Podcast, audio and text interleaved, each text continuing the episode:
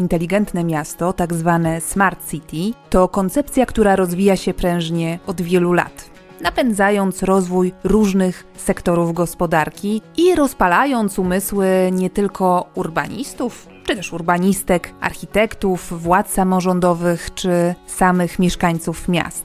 Na hasło przyszłość miast zapewne także w Waszej głowie wyświetli się wiele ciekawych wizji czy scenariuszy. A ja ciekawa jestem, co też stanie Wam przed oczami na hasło przyszłość wsi i czy wyświetli się Wam cokolwiek.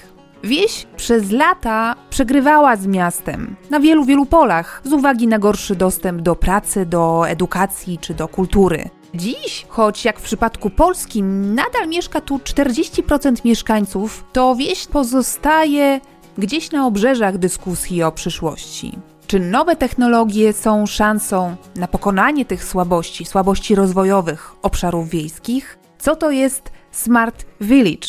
I jaką przyszłość rysują obszarom pozamiejskim futurolodzy? O tym będę rozmawiać w dzisiejszym podcaście. A udało mi się zaprosić troje znakomitych gości. Pozwólcie, że sami się Wam przedstawią. Magdalena Salik, dziennikarka, pisarka, redaktorka.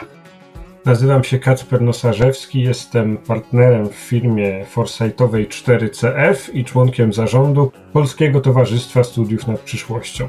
Sławomir Kalinowski, Instytut Rozwoju Wsi i Rolnictwa Polskiej Akademii Nauk, badacz ubóstwa i poziomu życia na wsi, a także koncepcji Smart Village. A ja nazywam się Barbara Sowa i zapraszam do wysłuchania 29 odcinka podcastu Jak naprawić przyszłość.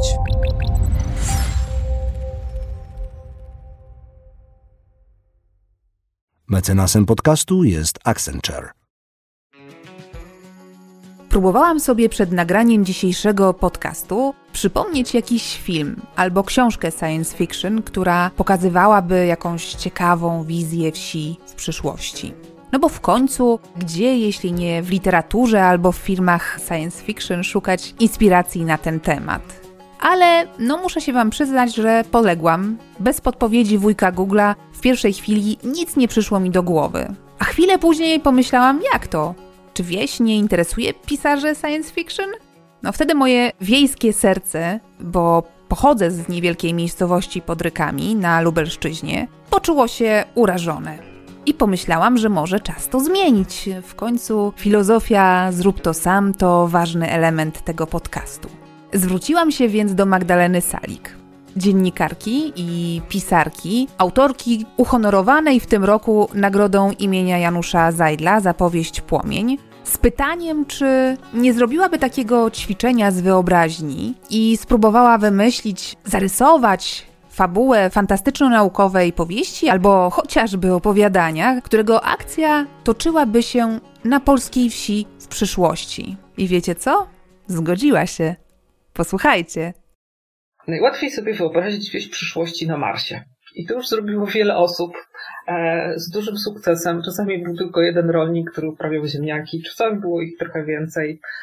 I tam faktycznie opis wsi marsjański jest ich sporo, one są super i spokojnie można dalej iść w tym kierunku.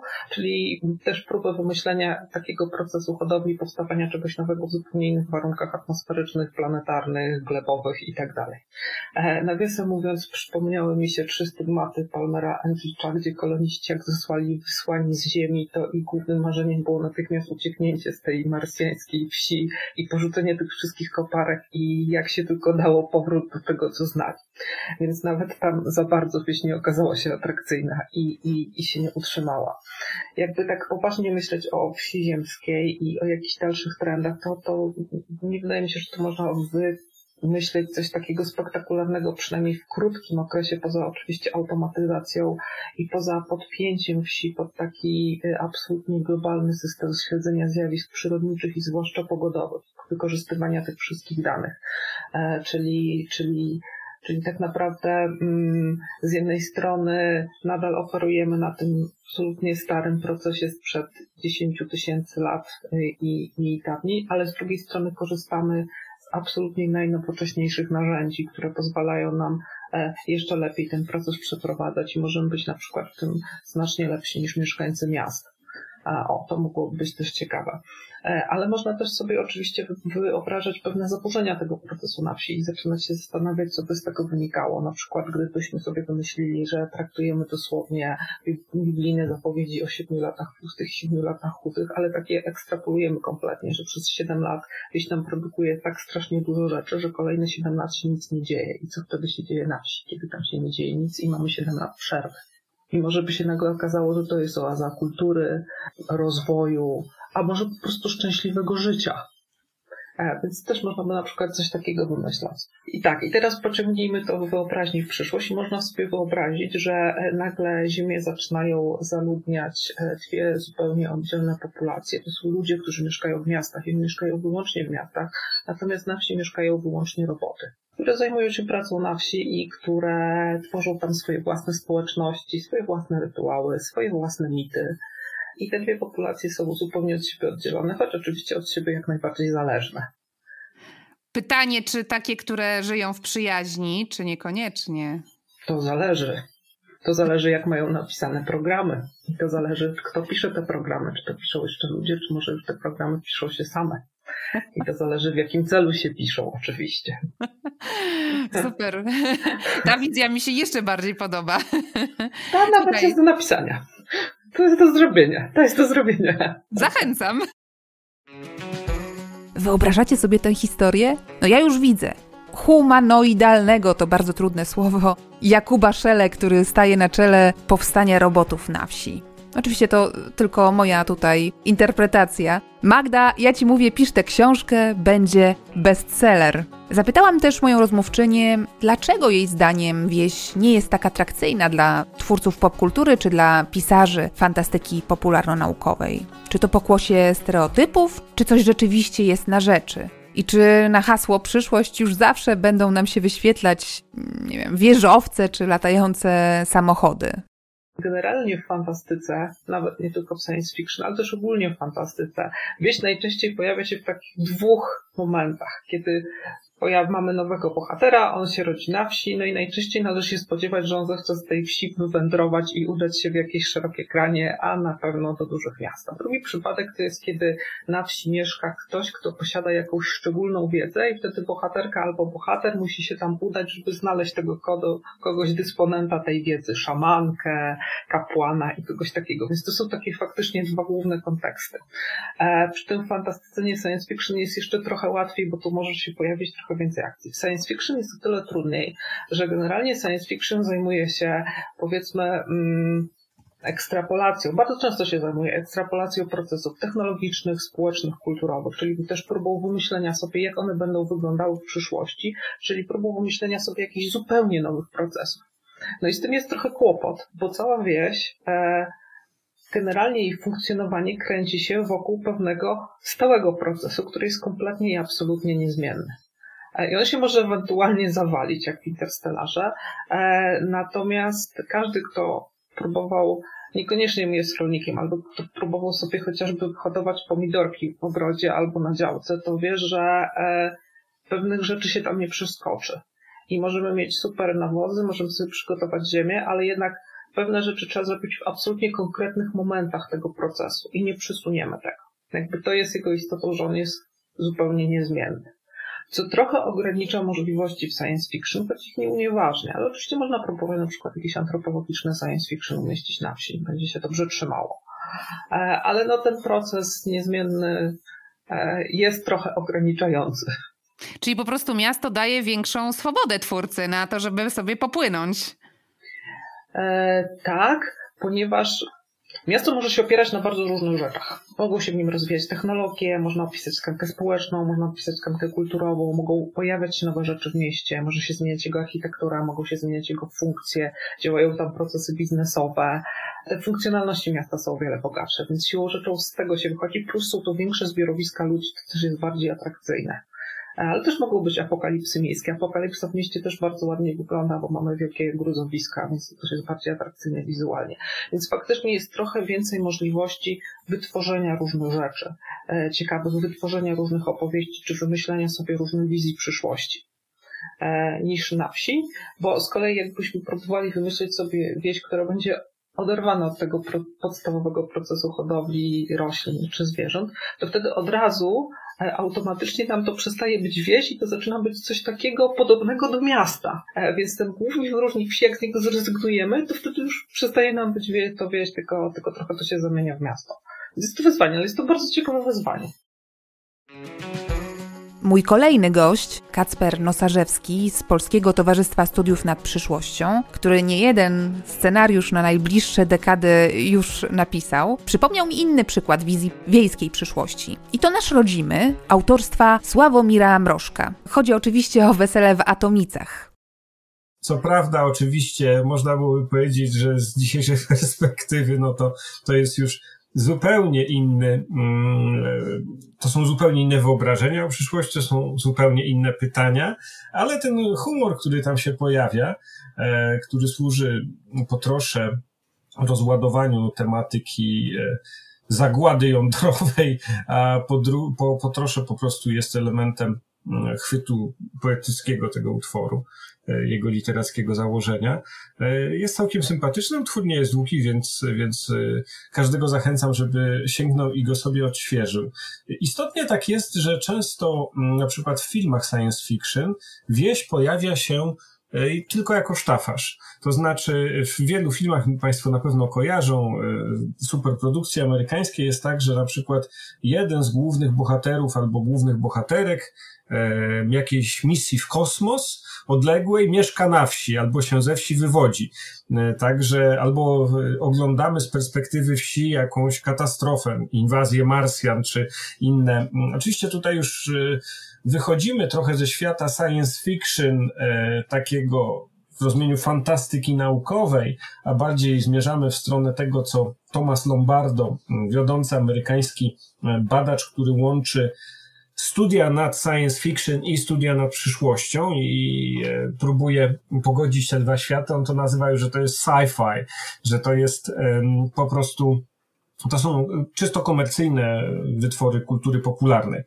Natomiast e, w pewnym sensie, nawet jeśli to jest tylko sztafasz, jeśli to jest krajobraz kukurydzy po horyzont i jakaś tam chatka, w której mieszka, czy, czy emerytowany naukowiec, czy przyszła pani astronautka, czy, czy ktoś tam inny, to mm, w tym jest e, pewna myśl, którą bym chciał jednak uchwycić i, i wydobyć. To znaczy, społeczeństwo amerykańskie, chociaż ono jest zurbanizowane, tak jak nasze jest zurbanizowane, czyli gdzieś jest pośrodku pomiędzy, pomiędzy no, takimi państwami o bardzo wysokiej gęstości zaludnienia, nie wiem, typu Holandia, Singapur czy, czy, czy inne, gdzie po prostu jest totalna urbanizacja, wszyscy mieszkają w mieście, a państwami rolniczymi, społeczeństwami rolniczymi, gdzie większość ludzi mieszka na wsi, to w Stanach trochę tak jak w Polsce, spora część społeczeństwa jednak na wsi mieszka, ze wsi się wywodzi i ze wsią się utożsamia. I to, że oni są pokazani, ci bohaterowie, na tle krajobrazu ruralnego, no ma oczywiście służyć temu, żeby poprawić identyfikację i być może pewnym celom też pedagogicznym czy propagandowym. Natomiast jak spojrzymy na to z perspektywy Polski, to faktycznie wieś jest troszkę takim niewidzialnym światem, niewidocznym. Także w rozmowach o przyszłości, bo ja dla, zapytałam o ten e, science fiction, który na hasło przyszłość bardzo często wielu osobom przychodzi do głowy, ponieważ u nas jest naprawdę mnóstwo debat, dyskusji o smart cities. To, to hasło odmienia się przez wszystkie przypadki, jest mnóstwo e, sektorów gospodarki to zaangażowanych, e, architektów, ekspertów i tak. A ta wieś gdzieś jest tak zupełnie na antypodach, jakby zupełnie nie istniała. A przecież na wsi cały czas żyje, chyba z ostatnich badań, no, około 40% społeczeństwa. Bardzo dużo, bardzo dużo. To jest taki polski, to jest taka polska osobliwość, dlatego że my jesteśmy mniej zurbanizowani niż większość państw europejskich, również niż większość państw, które mają za sobą taką przeszłość socjalistyczną.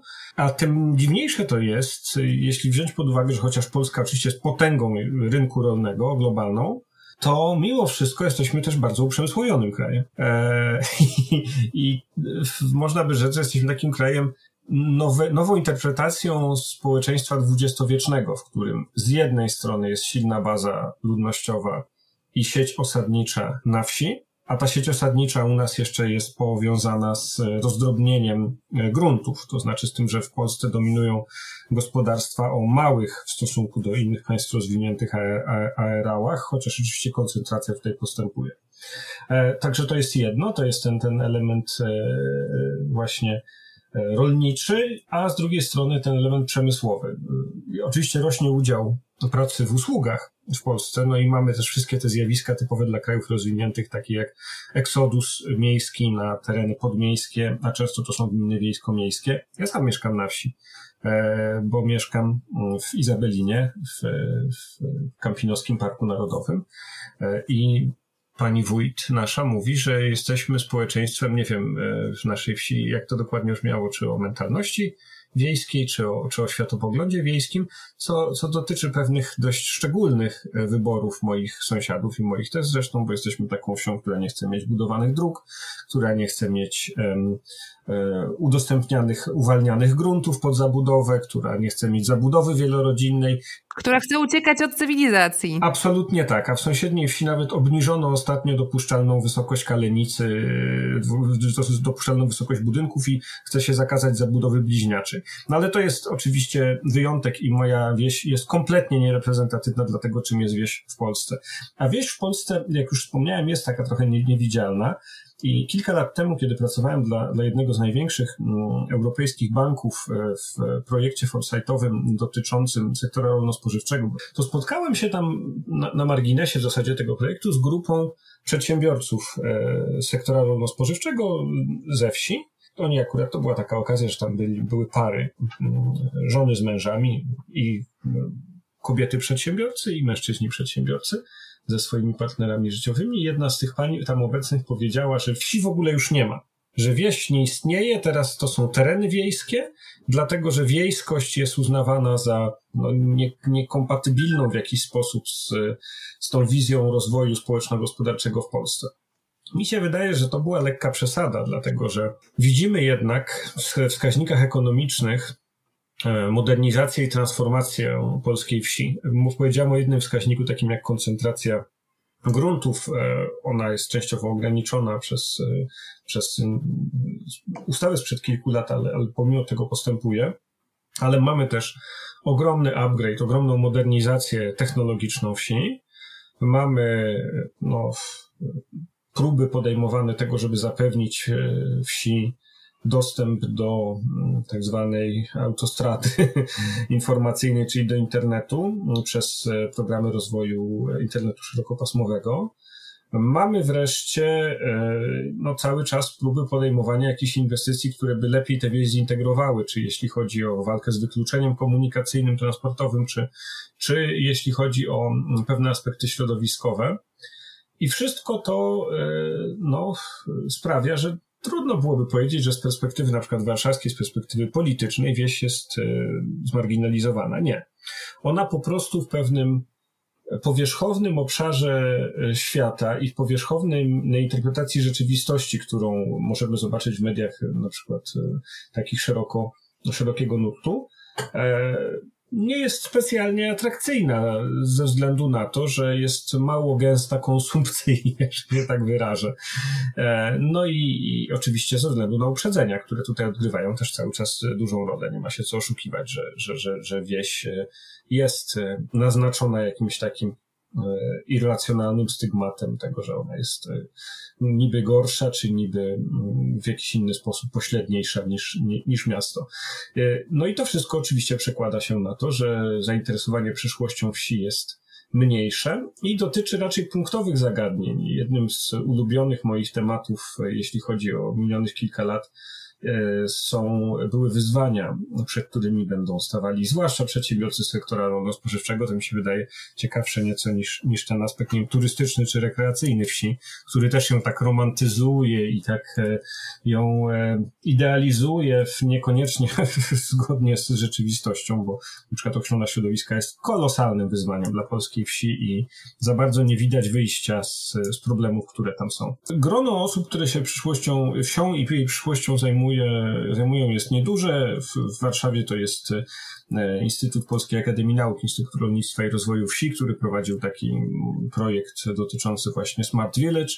inteligentnej wsi. No i są oczywiście też e, po prostu konkretne mm, projekty technologiczne, które wsi dotyczą, takie e, te związane na przykład z e, wykorzystaniem widzenia maszynowego i sztucznej inteligencji do podnoszenia produktywności produkcji rolnej. To się nazywa zazwyczaj rolnictwem precyzyjnym. No i jest oczywiście jeszcze cały czas debata społeczna dotycząca pewnych no, rozbieżności pomiędzy. Mm, to dotyczy głównie lokalizacji inwestycji. Mhm. No bo wiadomo, że terenu w mieście na elektrownię, e, chlewnie, e, lotniska i inne tego typu e, inwestycje nie ma.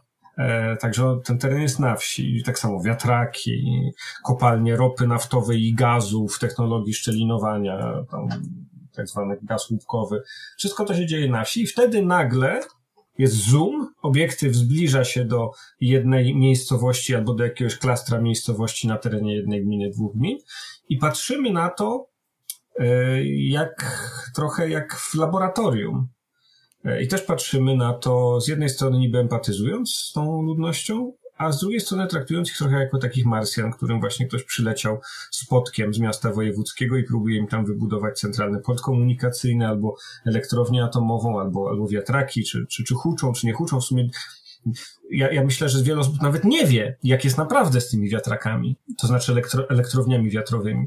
Czy one rzeczywiście hałasują, czy nie hałasują, bo nikt nigdy tam nie był. I to jest, i to sprawia, że, że ta wieś się nie przybliża. I jest jeszcze jeden element, który tę e, wieś polską oddala od, od percepcji większości społeczeństwa mieszkającego w miastach, no bo 60% to jednak jest większość. Czyli pewien szczególny, e, pewna szczególna poetyka e, opowiadania, czy takiego non-fiction, która dominuje, która jest jakimś, przepraszam, że tak powiem, może ktoś, ktoś, ktoś może to zbyt brutalnie, ale jest jakimś takim wynaturzeniem e, polskiej szkoły reportażu, która sprawia, że ta wieś w reportażu jest przedstawiona naprawdę w sposób no niemalże etnograficznie, jak Bronisław Malinowski na, na Trobriandach.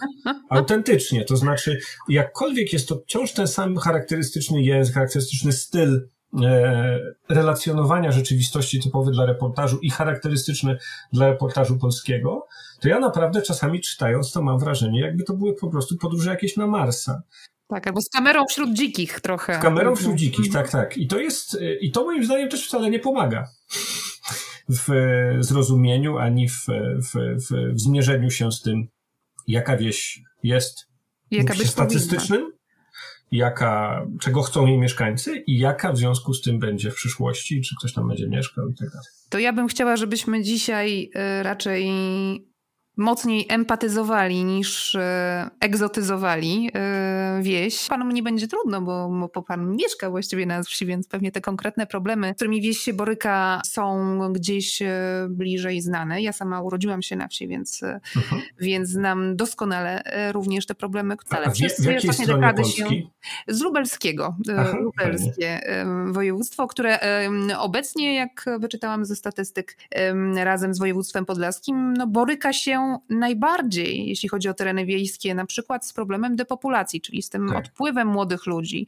Więc gdybyśmy mieli pomyśleć o przyszłości wsi, empatyzując z mieszkańcami i zastanawiając się na tym, jak e, rzeczywiście próbować te problemy najważniejsze e, rozwiązać, możemy zacząć od tego właśnie, od tejże depopulacji, tak? czyli od tego odpływu młodych ludzi, bo to jest poważny problem. Co prawda, po raz pierwszy od wielu, wielu lat mieliśmy sytuację, w której więcej osób przeprowadziło się z miasta na wieś, uciekło z miasta na wieś niż odwrotnie e, i myślę, że to był efekt też pandemii, która pokazała wielu ludziom i uświadomiła wielu ludziom, że może nie fajnie jest jednak mieszkać w klatce w bloku. Trochę w cudzysłowie oczywiście mówię klatce.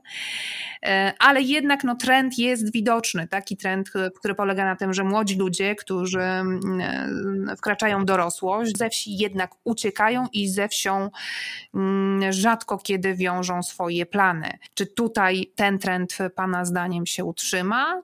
Czy gdzieś e, w najbliższych dekadach może nastąpić zmiana? Hmm. Raczej e, megatrendy takie jak urbanizacja, która jest zjawiskiem w skali globalnej, e, z, z bardzo drobnymi wyjątkami, takie jak specjalizacja i, i no po prostu związany ze wzrostem produktywności, wzrost poziomu, mówiąc brzydko, kapitału ludzkiego, czyli, czyli wiedzy potrzebnej do prowadzenia działalności, a miejscami akumulacji i dystrybucji tej wiedzy są miasta, ze względu na to, że tam są zlokalizowane czy ośrodki naukowe, czy dydaktyczne. Wszystko to sprawia, że mm, trudno byłoby sobie wyobrazić, żeby y, trend wyludniania się wsi był był, był łatwo odwracalny w perspektywie najbliższych lat. W zeszłym roku przygotowując raport i tutaj znowu, prawda, wszystko zawsze tak pośrednio, tak, zawsze musi być negatywnie, tak teologia negatywna wsi.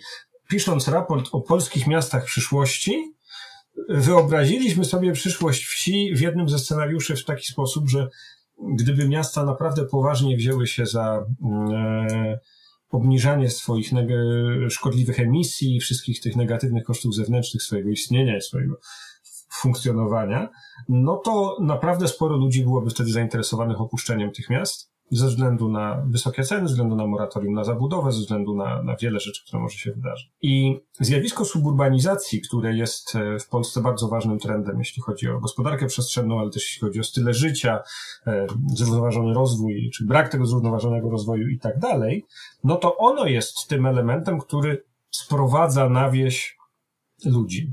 Wytłumaczmy, na czym polega, może nie wszyscy wiedzą, ta suburbanizacja. Suburbanizacja związana jest z zjawiskiem, e, myślę, już łatwiejszym do wyobrażenia, czyli chodzi o rozlewanie się miast. To znaczy, w związku z tym, że mm, i koszty, i ceny nieruchomości w miastach są bardzo wysokie, no i gęstość zaludnienia też e, wiąże się z pewnymi niedogodnościami mm, i możliwe jest wciąż w różnych modelach, i w modelu rodziny tradycyjnej, i, i w innych modelach również, funkcjonowanie takie, które no, nie zmusza do codziennych dojazdów do, do, do śródmieścia, na przykład Warszawy, Poznania czy Gdańska, to sprawia, że dla sporej części osób, które poszukają swojego miejsca na ziemi w Polsce, chcą założyć rodziny i tak dalej, rejony podmiejskie i wieś są alternatywą albo wręcz bezalternatywnym wyborem. Dlatego, że tam można mieć metraż albo jakąś przestrzeń życiową, dla, dla rodziny, czy nawet dla osoby prowadzącej indywidualne gospodarstwo domowe. Wiele już napisano i temat cały czas oczywiście wraca w mediach. W mediach nawet chyba bardziej niż w badaniach, bo to taki trochę clickbaitowy temat na temat wyjazdów na wieś i rozczarowań tym życiem na wsi. To jest tylko malutka e, część, to jest tylko malutki fragment masowego zjawiska suburbanizacji, bo tutaj w tym przypadku mówimy o ludziach, którzy wyjeżdżają dlatego, że e, mają takie marzenie. Suburbanizacja nie jest e, owocem marzeń, tylko jest e, efektem konieczności ekonomicznej, która sprawia, że ludzi po prostu nie stać na mieszkanie w, w mieście i wybierają coś równoważnego, trochę lepszego w, na, na, na, peryferiach i to są już często tereny wiejskie, więc mamy od, odrolniane te działki e, i często no, bez planu zagospodarowania przestrzennego, czy bez w ogóle jakiegokolwiek sensu, czy próby ukierunkowania tego przez władze lokalne w ramach władztwa planistycznego, powstają tam e, albo projekty takie mniejsze, czyli jeżeli ktoś dopiero stawia pierwsze kroki w dewelopmencie, to jakiś bliźniak albo coś takiego, dwa, trzy domki, no a potem już takie typowe osiedla łanowe, tak zwane, czyli na tych długich jak bicz i wąskich jak nóż typowych polskich działkach no, ustawiane są dwa rządki domów i, i e, droga dojazdowa po środku. No, konsekwencje tego tym, którzy funkcjonują w ten sposób są dobrze znane, bo to oznacza, że często nigdzie się nie da dostać bez samochodu, ale bez przesady. Są też miejsca, gdzie, gdzie można żyć całkiem, całkiem sensownie w ten sposób. Może być e, fajna szkoła dla dzieci, może być praca wcale nie w mieście, tylko, tylko gdzie indziej. E, mimo wszystko to to jest jedyne zjawisko, które zasila w jakichś istotnie, istotnych statystycznie kategoriach e, napływ ludności na wieś i to jest zjawisko szalenie negatywne, bo ja już mówiłem o tym, że to się odbywa bez ładu przestrzennego, ale to też ma konsekwencje na płaszczyźnie środowiskowej, to znaczy trzeba doprowadzać infrastrukturę, media, Trzeba często no, to, się wiąże z kosztami, to się wiąże ze, ze stratami. Takie indywidualne domy oczywiście nie są ogrzewane przy pomocy ciepła systemowego, tak? czyli, czyli nie są zasilane z ciepłowni czy jakichś instalacji miejskich, tylko każdy tam sobie funkcjonuje. No i, i E, niezależnie od tego, czy mówimy o kotłach na paliwo stałe, czy na paliwo gazowe, czy, czy wśród tych naj, naj, najzamożniejszych rozwiązaniach, bardziej efektywnych jeszcze, jak pompy ciepła, no to tak czy owak indywidualne systemy e, nie są tak efektywne jak, jak te systemy zbiorowe. I to można byłoby powiedzieć o wielu aspektach mm, środowiskowych, pomijając fakt, że w ogóle na poziomie takim najbardziej pryncypialnym, no to to jest, można rzec, jedna z największych katastrof Polski ostatnich 30 lat, takich nie, nieopowiedzianych jeszcze. E, nie tak dawno pracując dla jednego z ministerstw nad scenariuszami przyszłości Polski do 2050 roku, pracowałem z grupą przedstawicieli urzędów marszałkowskich i, i e, innych organów ochrony środowiska. No oczywiście obraz, który oni malują tego, jak wygląda stosunek do środowiska i do, do prawa środowiskowego w Polsce jest e, makabryczny, to znaczy taki stopień pogardy, czy wręcz anomii w ogóle w tym e, zakresie, e, jaki widzieliśmy, jakiego konsekwencją było katastrofa ekologiczna w Odrze w ostatnich miesiącach, to jest tak naprawdę reprezentatywne dla tego, co dzieje się w każdym aspekcie wszędzie w Polsce. Oczywiście my się skupiamy na takich bardziej efektownych katastrofach takich jak Odra, czy takich jak to, że w ostatnich miesiącach e, popularne stało się strzelanie do żubrów i rysi, ale, ale to są, one są, te, te, te rzeczy bardziej efektowne, są symptomatyczne dla, dla ogółu e, zjawisk. No i ci przedstawiciele mówili mi, że mm, nawet na poziomie, tam gdzie mamy tereny objęte ochroną krajobrazową, to wiadomo, że są tereny wiejskie, to w jednym z województw przeprowadzono ostatnio inwentaryzację tych terenów, rodzaj takiego audytu, żeby zobaczyć, czy obszary objęte ochroną krajobrazową, co tam się dzieje. I okazało się, że na, na, w skali województwa trzeba zmniejszyć te obszary o 30%, dlatego że one zostały zabudowane. A tam zabudowa jest niedozwolona. I to nie jest historia jakiegoś tam jednego zamku w Puszczy Noteckiej, czy, czy, czy, czy znowu właśnie takich przyciągających uwagę, tylko to są indywidualne wybory indywidualnych aktorów ekonomicznych, którymi są ludzie, którzy się gdzieś tam budują, czy swoje domki letniskowe, czy swoje, swoje e, rezydencje, wiesz, tak powiem, e, główne, to jest e, kwestia władz samorządowych, które pragną mieć mieszkańców, pragną mieć podatników, pragną mieć wspólnotę samorządową, zwłaszcza wobec depopulacji i zgodzą się na wszystko. No i to jest oczywiście też na jakimś tam poziomie kwestia organów, które odpowiadają za, za, e, za, za, za środowisko. E, gdyby ten trend ekstrapolować w przyszłość i na nim opierać wizję przyszłości polskiej wsi, no to można powiedzieć, no miejsca jest bardzo dużo. Zawsze będzie jakieś miejsce, gdzie będzie można stanąć, obrócić się dookoła i nie zobaczyć, i zobaczyć, nie wiem, tylko jakieś ugory, nieużytki, lasy, nie zobaczyć człowieka, nie zobaczyć słupa energetycznego czy, czy, czy, czy, czy budynków. Ale takich obszarów naprawdę może być coraz mniej.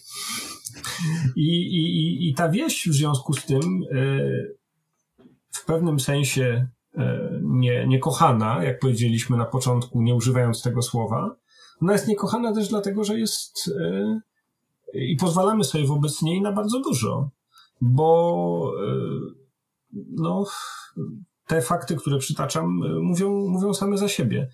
My to piękno, które jest dobrem wspólnym i jakąś tam względną czystość, to jest bardzo dyskusyjne, ale nasze pojęcie o czystości, o naturalności, my go nie chcemy jako dobra wspólnego. My chcemy go Zawłaszczyć dla siebie, na własnym podwóreczku, tak. Tak, uwiązać na łańcuchu, tak, tę, tę przyrodę. I to, to, chyba, to chyba nie o to chodzi, no ale e, można było tutaj wymieniać bez końca kwestie gatunków inwazyjnych, kwestie metod hodowli, kwestie lokalizacji inwestycji, nie wiem, takich jak chlewnie. E, wszystko, to, wszystko to sprawia, że my z jednej strony e, no, że to jest taka nietrudna miłość, to jest, to jest, to jest patologiczna, kompletnie patologiczny związek miasta z wsią, w którym, w którym wieś ponosi, jest miejscem, w którym eksportowane są koszty zewnętrzne miejskiego stylu życia i, i w ogóle stylu życia w Polsce. W świetle tego jej przyszłość rysuje się, rysuje się dość barwach. Myśli pan, że rzeczywiście będziemy mieli do czynienia z takim rozlewaniem się terenów e, podmiejskich e, w nieskończoność i, zagrabianie kolejnych e, przestrzeni? Odpowiedzi na to pytanie udzielam w raporcie, który ukaże się za parę dni, e, który powstał we współpracy z Polskim Związkiem Firm Deweloperskich i gdzie zagadnienie suburbanizacji jest, jest potraktowane bardziej, bardziej szczegółowo, e, raportem pod tytułem Fundamenty przyszłości. Jeśli zdążymy przed publikacją, premiera będzie przed publikacją tego odcinka, to oczywiście załączę bardzo chętnie e, w linku po, w opisie podcastu. No, suburbanizacja w, w, w dwóch na trzy analizowane tam scenariusze jest zjawiskiem nie, niepowstrzymanym a jej powstrzymanie wynikałoby naprawdę ogromnych, e, ogromnych przedsięwzięć, jeśli chodzi w ogóle o gospodarkę przestrzenną w Polsce, e, które są możliwe i są możliwe nawet na przestrzeni najbliższych kilku lat, ale nie są one też takie całkiem niewinne, dlatego że można by rzec, że w ogóle zabudowa jest problemem. E, możemy wyobrazić sobie taką przyszłość, w której na nowych działkach nie wolno niczego budować. E, to jest przyszłość dość egzotyczna z dzisiejszej perspektywy, ale za 10, 20 czy 30 lat może być mniej egzotyczna. Biorąc pod uwagę, że już dzisiaj w Polsce mamy w planach zagospodarowania przestrzennego i na podstawie decyzji o zmianie przeznaczenia gruntów od tych, które odralniają działki, mamy miejsce na 80 milionów mieszkańców. A tak trudno jest znaleźć mieszkanie. To widzimy, że, że coś tutaj się dzieje takiego dziwnego, prawda? I, i, że, i że rozwiązanie tego, tego wyzwania, takich wyzwań jak luka mieszkaniowa, luka czynszowa, e, migracje wewnętrzne, cały czas umyka nam, jak to powinno być zrobione. Kosztem wsi również.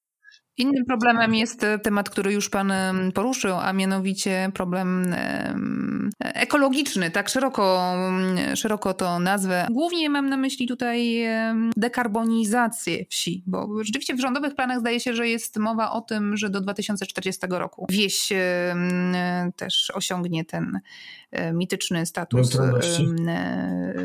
zerowy. Nie wiem, czy to się uda, ale no, na pewno jest tak, że, że na wsi mamy już, także na polskiej wsi, dobre przykłady takich, e, takich wiosek, które mm, korzystają z e, odnawialnych źródeł energii, nie wiem, zakładają jakieś e, spółdzielnie, no ale to są jednostki, prawda? Bo generalnie problem tak zwanych kopciuchów to jest bardzo poważny problem. Jak tutaj z tym problemem Potencjał energetyczny polskiej wsi jest kolosalny. Po pierwsze ze względów najbardziej oczywistych, czyli tego, że na przykład na niektórych e, terenach na niskich klasach bonitacyjnych gleb można po prostu ustawić ogniwa fotowoltaiczne i robić tam elektrownie słoneczne. To samo dotyczy elektrowni wiatrowych i jeśli w ogóle mamy poważnie myśleć o dekarbonizacji w skali polskiej, nie w skali wsi czy miasta, to, to, to się będzie działo. Bardziej, bardziej raczej tak niż nie. No tak, ale w mieście jest to trochę łatwiejsze, bo jednak mamy to na tak, przykład, nie wiem, no, tak, ogrzewanie tak. systemowe, tak? Czyli jednak e, no, nie trzeba każdego domu podłączać e, indywidualnie do... Nie trzeba, ale możemy też wyobrazić sobie no, program Czyste Powietrze, który tam od kilku lat już funkcjonuje, e, daje jednak szansę do tego, żeby radykalnie podnieść efektywność energetyczną indywidualnych domów, też, też i na wsiach. I takich programów powinno być więcej, bo, bo to, to co nazywamy właśnie termomodernizacją, czyli co, co jest nazywane bardziej ogólnie po prostu modernizacją efektywności energetycznej naszej gospodarki jest, jest i musi być, musi być priorytetem. Ale wracając jeszcze do, do tej niskoemisyjnej wsi. Wieś ma też wielki potencjał, e, który tkwi w zgazowaniu odpadów. E, temat e, przewijał się w mediach wielokrotnie. Dzisiaj już wiemy, że w zasadzie każda wspólnota lokalna, która ma powiedzmy 2000 odbiorców, czy, czy, czy indywidualnych, czy przemysłowych, czy, czy jakichś tam budynków w ramach sieci mogłaby już przechodzić na e, własne samowystarczalne, na, na taką autonomię energetyczną w oparciu o biogaz. Ale tutaj znowu wchodzimy w, na, na grząski grunt, dlatego że okazuje się, że w Polsce istnieje ogromny potencjał zgazowania odpadów, ale tych odpadów nie ma. One gdzieś wyparowują rozpływają się w powietrzu. E, mamy przemysł przetwórstwa owocowo-warzywnego, mamy przemysł mleczarski, mamy przemysł e, mięsny, który akurat tutaj jest tam dość dobrze kontrolowany, nie może tak po prostu zrzucać tych, tych, tych odpadów swoich do rowu. Natomiast pozostali Nie wiadomo, nie chcę rzucać oskarżeń, ale e, no, gdzieś te wszystkie odpady, serwatki, obieżyny, wytłoki i tak dalej, to wszystko musi gdzieś lądować. A gdzie ląduje? Nikt tego nie wie. Odpady nie są odbierane, mm, nie są zagospodarowane w żaden sposób. Czyli, czyli mamy tutaj rodzaj takiego cudu, który może się zda zdarzyć że nie ma tych odpadów, a za kilka lat z nich może powstać biogaz, czy wręcz biometan, bo to jest pewna taka wyższa forma już technologicznie e, konwersji tych odpadów. E, czyli wracamy do tego, co zawsze, to znaczy, że istnieją systemy, istnieje systemowe przyzwolenie na to, żeby nieefektywnie gospodarować, E, nie kontrolować e, negatywnych oddziaływań, emitować, e, truć, niszczyć i ono musi się zmienić. No być może gdybyśmy pokazali takie pozytywne przykłady ludziom, to, to pewnie mm, może chętniej włączyliby się w budowę i właśnie, no nie wiem, no oddawanie odpadów po to, żeby przy, no chociażby obniżyć swoje mm, rachunki za prąd czy, czy, czy, czy za ogrzewanie. No to jest, y, to jest pewnie jakaś taka mm, lekcja do odrobienia y, z budowania świadomości, prawda? Tak, tak, tak. No i to oczywiście wymaga inwestycji, wymaga inwestycji tych w budowanie świadomości, ale też wymaga inwestycji całkiem twardych w infrastrukturę. No może gdybyśmy mieli już tę infrastrukturę zbudowaną 10 czy 15 lat temu, to kryzys energetyczny, w którym dzisiaj jesteśmy zanurzeni, byłby dla nas mniej, mniej dotkliwy, mniej dojmujący. E, gdzieś to wszystko można podwiązać do, do, do bezpieczeństwa i do, i do dobra wspólnego na tym najwyższym poziomie. Mm, no ale żeby to się stało, to ta wieś nie może być tylko zasobem e, politycznym w sensie głosów. Nie może być tylko jakąś taką romantyczną wizją agroturystyczną i nie może być e, miejscem zrzutu dosłownie negatywnych oddziaływań na co, na co wciąż jest zbyt wielkie przyzwolenie.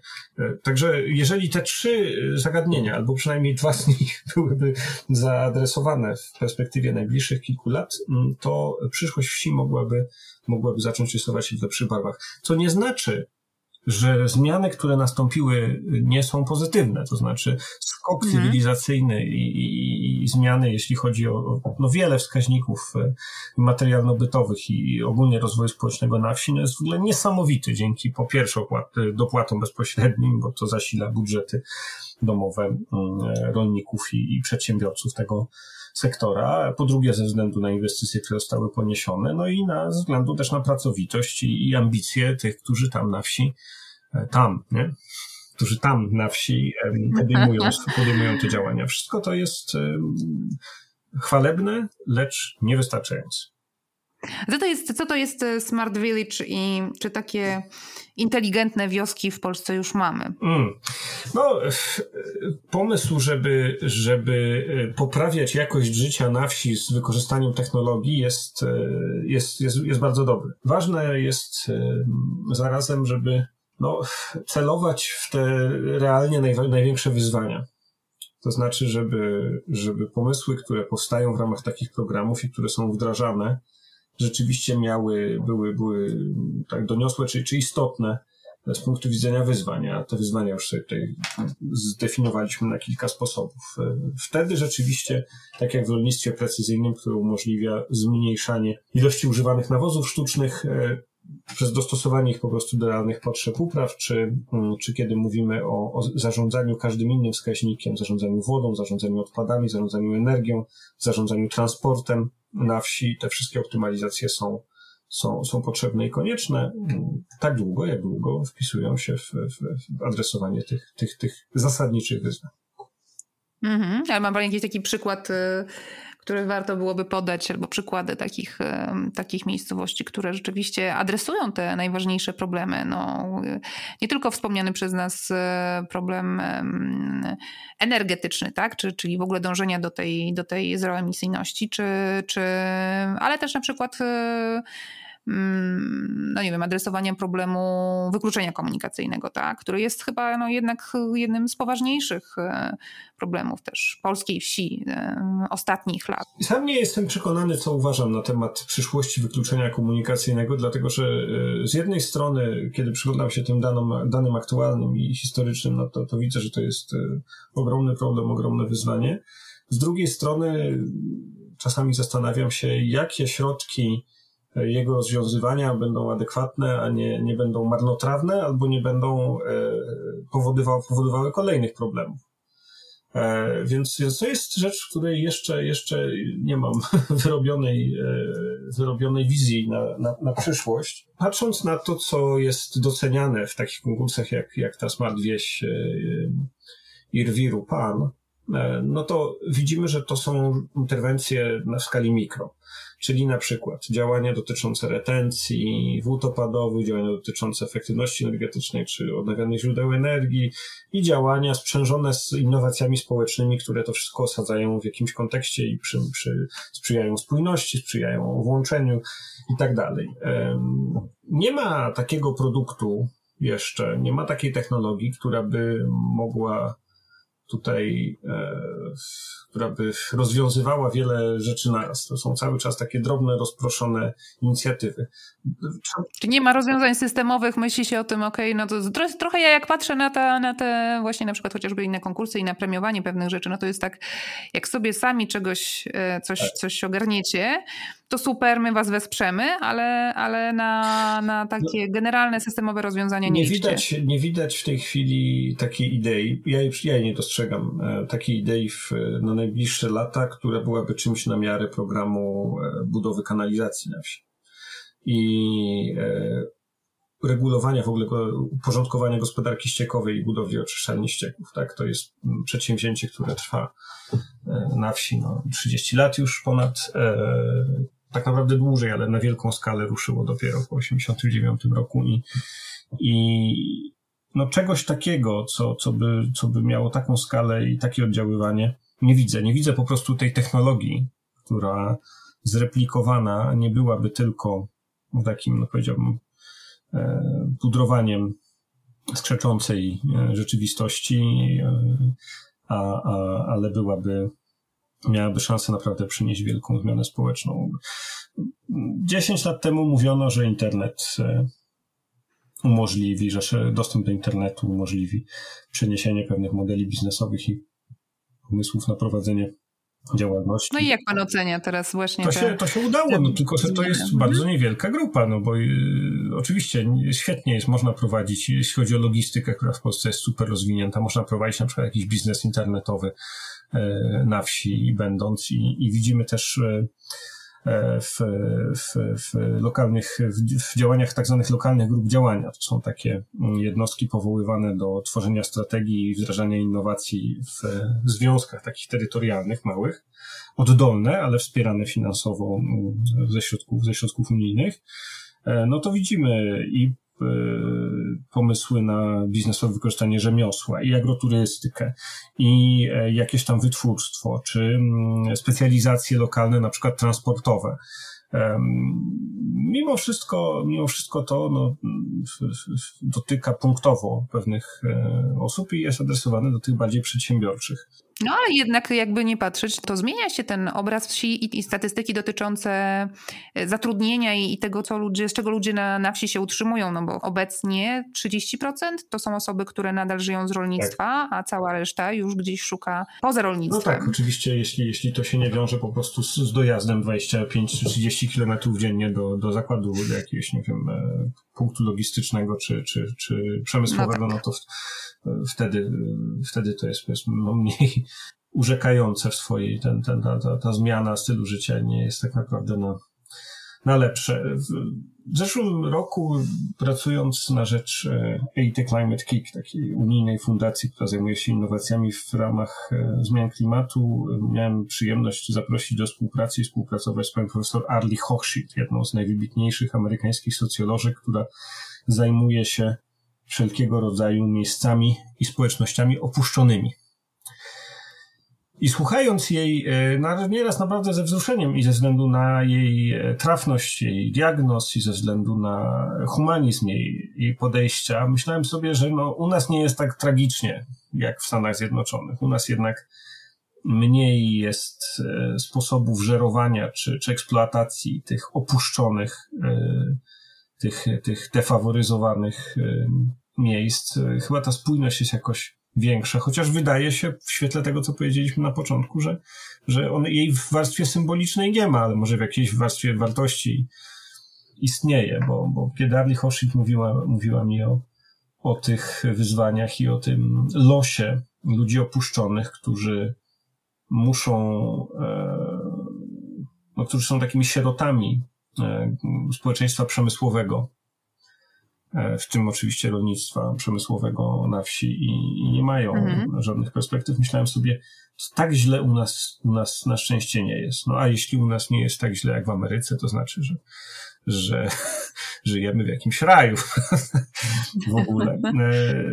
To wszystko sprawia, że, że pomimo tych negatywnych prognoz ja nie ustaję w poszukiwaniu i pracując z przedsiębiorcami sektora rolno-spożywczego i z różnymi instytucjami, nie ustaję w optymistycznym poszukiwaniu tych nowych pomysłów i nowych rozwiązań dla, dla wsi, które mogą zaadresować wielkie wyzwania i które będą w stanie skupić uwagę i energię um, wspólnot lokalnych, żeby, żeby y, ruszać nie wiem, wiem, czy naprzód, czy w górę, czy, czy w ogóle gdziekolwiek, ale żeby po prostu być e, bardziej, żeby rozwój tam był bardziej zrównoważony i żeby uszanować godność, nie traktować przedmiotowo e, polskich ludzi, ludzi żyjących w Polsce na wsi i pozwolić im, pozwolić im e, decydować o swoim losie w ramach tego, co jest, co jest dobre z perspektywy dobra wspólnego.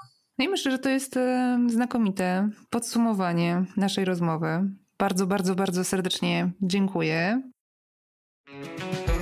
A co to jest Smart Village? O tym opowie mój trzeci gość, Sławomir Kalinowski z Instytutu Rozwoju Wsi i Rolnictwa Polskiej Akademii Nauk, organizator konkursu dla inteligentnych wsi w Polsce. Ten konkurs nadal trwa, Link do zasad i do wszystkich szczegółów znajdziecie w opisie podcastu. Jeśli ktoś jest zainteresowany, proszę bardzo, ślijcie, zgłaszajcie się. Pula nagród jest dość duża. Koncepcja Smart Village jest względnie nową koncepcją w rozwoju obszarów wiejskich. Względnie nową, bo wizję Smart Village przedstawił w 2015 roku Terry Van Gevelt i John Holmes.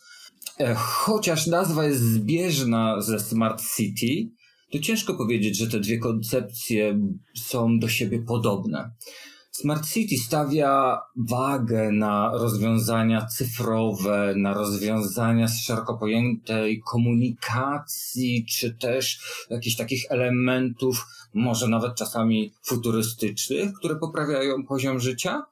Z kolei Smart Village traktuje te elementy tylko jako narzędzia. E, generalnie koncepcja ta ma na celu poprawę jakości życia, wykorzystując pewne elementy cyfrowe, jednak e, ta, ta cyfrowość nie jest najważniejszym elementem e, całej koncepcji. A co jest najważniejszym elementem? W samej koncepcji Smart Village zwraca się przede wszystkim uwagę na poprawę poziomu życia, usług publicznych i wykorzystania optymalnego zasobów lokalnych, ale te cyfrowe elementy i innowacje są takim y, tylko narzędziem, które pozwalałoby y, ten poziom i jakość życia na wsi poprawiać. E, no nie jest to najważniejsze, żeby rozwiązania cyfrowe e, dominowały. One nie muszą być naszpikowane taką elektroniką, jak to się zwraca uwagę właśnie w koncepcji Smart City. Czy my mamy już e, w Polsce Smart Village? W Polsce oczywiście, że są pewne rozwiązania, pewne inicjatywy, które powodują, że ta wieś staje się lepsza dla życia. E, no nie możemy mówić, że od razu cała wieś jest e, jakby objęta te, tą koncepcją. To są pewne elementy, mikrorozwiązania, takie rozwiązania, które poprawiają pewnej grupy mieszkańców e, poziom życia. One oczywiście są. My w Instytucie Rozwoju Wsi i Rolnictwa Polskiej Akademii Nauk prowadzimy już trzecią edycję konkursu Moja Smart Wieś na pierwsze dwie edycje wpłynęły ponad 160 różnych rozwiązań.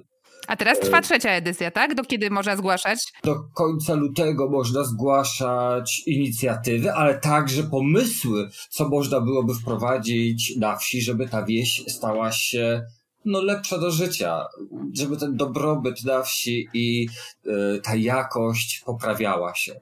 Jakby pan mógł podać jakieś przykłady, bo to zawsze najlepiej, e, przykłady zawsze działają najlepiej na wyobraźnię. Tych przykładów mamy mnóstwo, bo one e, są chociażby tak proste rozwiązania, jak e, we wsiach, który, które są zalewane, zakładane są ogrody deszczowe w postaci klombów z kwiatami, które te wody zatrzymują. Wydawałoby się, no nic odkrywczego, a jednak poprawia jakość życia na wsi. Ktoś nie musi chodzić w błocie. To są powiedzmy małe rozwiązania, które w, chociażby w Piasecznej Górce e, zostały wprowadzone przez e, Alicję Morską Kurek, która e, zgłosiła właśnie te inicjatywy. Ale są też rozwiązania faktycznie naszpikowane elektroniką, jak hala sportowa w Ryczywole, która została mm, wymyślona w taki sposób, że wykorzystuje system rekuperacji tak, tak e, że ciepło, które jest tam oddawane przez osoby, które y, są na sali, jednocześnie jest odzyskiwane. Tam jest już więcej tej techniki. Ale jest na przykład e, smart e, rozwiązanie, pierwsze w Polsce hospicjum wiejskie dla mieszkańców wsi, hospicjum proroka Eliasza. Bardzo ciekawy pomysł, nigdzie wcześniej w Polsce nie wprowadzany. Dr Paweł Grabowski wymyślił sobie, żeby pomagać osobom, które mieszkają na wsi, które nie mogą skorzystać z hospicjum stacjonarnego, żeby pomagać im w taki sposób przetrwać te ostatnie chwile, aby, aby, nie musiały czuć się gorsze, pokrzywdzone, ale jednocześnie wspierać rodziny, które mieszkają z nimi, tak żeby, żeby te rodziny mogły korzystać z podstawowej opieki, żeby to lekarz pojechał, żeby rehabilitant pojechał, żeby pielęgniarka pojechała do tego pacjenta, żeby pomogła e, rodzinie no, w ostatnich dniach, miesiącach życia tym osobom mm, no, wykonać pewne czynności, które są związane z chorobą chociażby. Pomysłów mógłbym wymieniać wiele, bo chociażby jest aplikacja, która pokazuje stare zabytki e, w miejscowościach, które już nie istnieją. Można chodzić e, z tą aplikacją przed sobą i patrzeć, aha, tutaj stał jakiś mur, e, a tutaj stał budynek, a tutaj jeszcze jakiś inny element no, który wyróżnia tę miejscowość. Odbudowanie tych elementów byłoby bardzo drogie. Zrobienie aplikacji przez jedną z osób, no już takie drogie oczywiście nie jest. Inne pomysły to na przykład ścieżka questingowa. E, albo też e, kino wiejskie. Wymyślili sobie w swojej stodole, stworzyli kino wiejskie, gdzie spotykają się kameralne grupy dyskusyjno-filmowe o różnej tematyce i rozmawiają o filmach. E, mini, organizują mini festiwale, promują wysoką kulturę, budują mie, e, więzi międzyludzkie, no i przede wszystkim kapitał e, ludzki tej miejscowości. W koncepcji Smart Village to te działania muszą być oddolne. One mają pobudzać ludność wiejską do większej aktywizacji, dołączenia się w grupy, tworzenia jakichś mechanizmów, zdobywania środków chociażby na, na te działania, a następnie E, te działania wykonywać, te inicjatywy tworzyć. Konieczne, niezbędny tu jest e, silny lider. Ten lider jest w stanie wtedy pociągnąć e, może niewielką grupę, bo to nie chodzi, żeby cała wieś nagle zaczęła działać, ale jakaś grupa zaczęła działać, która będzie chciała tę wieś zmieniać. Mm, przede wszystkim taka wieś przyszłości to jest wieś, która buduje na swoich doświadczeniach, taka wieś, która nagradza i premiuje za aktywność. Taka wieś, w której rozwiązania ekologiczne, energetyczne, może takie społeczne są normą. W Polsce nie słyszałem o tym, żeby jakieś miejscowości już wykorzystywały te smart e, rozwiązania w, w transporcie, co nie znaczy, że nie rozwiązują, bo być może są, tylko jeszcze do nas nie dotarły. Jak opowiadamy, że to może być takie smart rozwiązanie, taka powiedzmy taksówka na telefon, to wszystkim się wydaje taksówka, a to już może jest za duży, e, no taki, nie wiem, jakiś wymysł, widzi się, no jak taksówka specjalnie po kogoś pojedzie za darmo, zawiezie do lekarza i odwiezie, to to coś może niekoniecznie tak powinno być. Ale dlaczego nie? To jest z pewnością bardziej opłacalne, ale też jakieś współdzielenie sprzętów, współdzielenie um, jakichś maszyn rolniczych, które mo mogłyby być wykorzystywane przez drobne gospodarstwa bardzo Wam dziękuję, że wysłuchaliście do końca tego odcinka. Dla najbardziej wytrwałych słuchaczek i słuchaczy mam niespodziankę, a mianowicie kod na dostęp online do pisma. Przez pierwsze 5 miesięcy dostaniecie go za połowę ceny, czyli za niespełna 5,5 zł. W każdej chwili możecie też zrezygnować z tej opcji. Wpiszcie na stronę magazynpismo.pl prenumerata kod JNP od jak naprawić przyszłość i bez ograniczeń czytajcie albo słuchajcie naszych tekstów oraz podcastów. Nazbierało się tego sporo, bo w styczniu obchodzimy piąte urodziny. A jeśli Wam przyjdzie jakiś tytuł filmu lub książki albo serialu, który pokazuje ciekawą koncepcję wsi przyszłości, no to piszcie do mnie na maila barbara.sowa Bo ja ciągle mam wrażenie, że coś nam umknęło, że o czymś na pewno zapomniałam i że tych przykładów było więcej. Obiecuję Wam, że też w jednym z kolejnych odcinków na pewno zgłębię temat rolnictwa przyszłości. Celowo nie rozwijałam tego tematu, bo chciałabym go zostawić na osobną rozmowę, na osobny odcinek. I już zaczynam zbierać do niego materiały. To był 29 odcinek podcastu Jak naprawić przyszłość. Ja się nazywam Barbara Sowa. No i do usłyszenia za miesiąc. Trzymajcie się ciepło.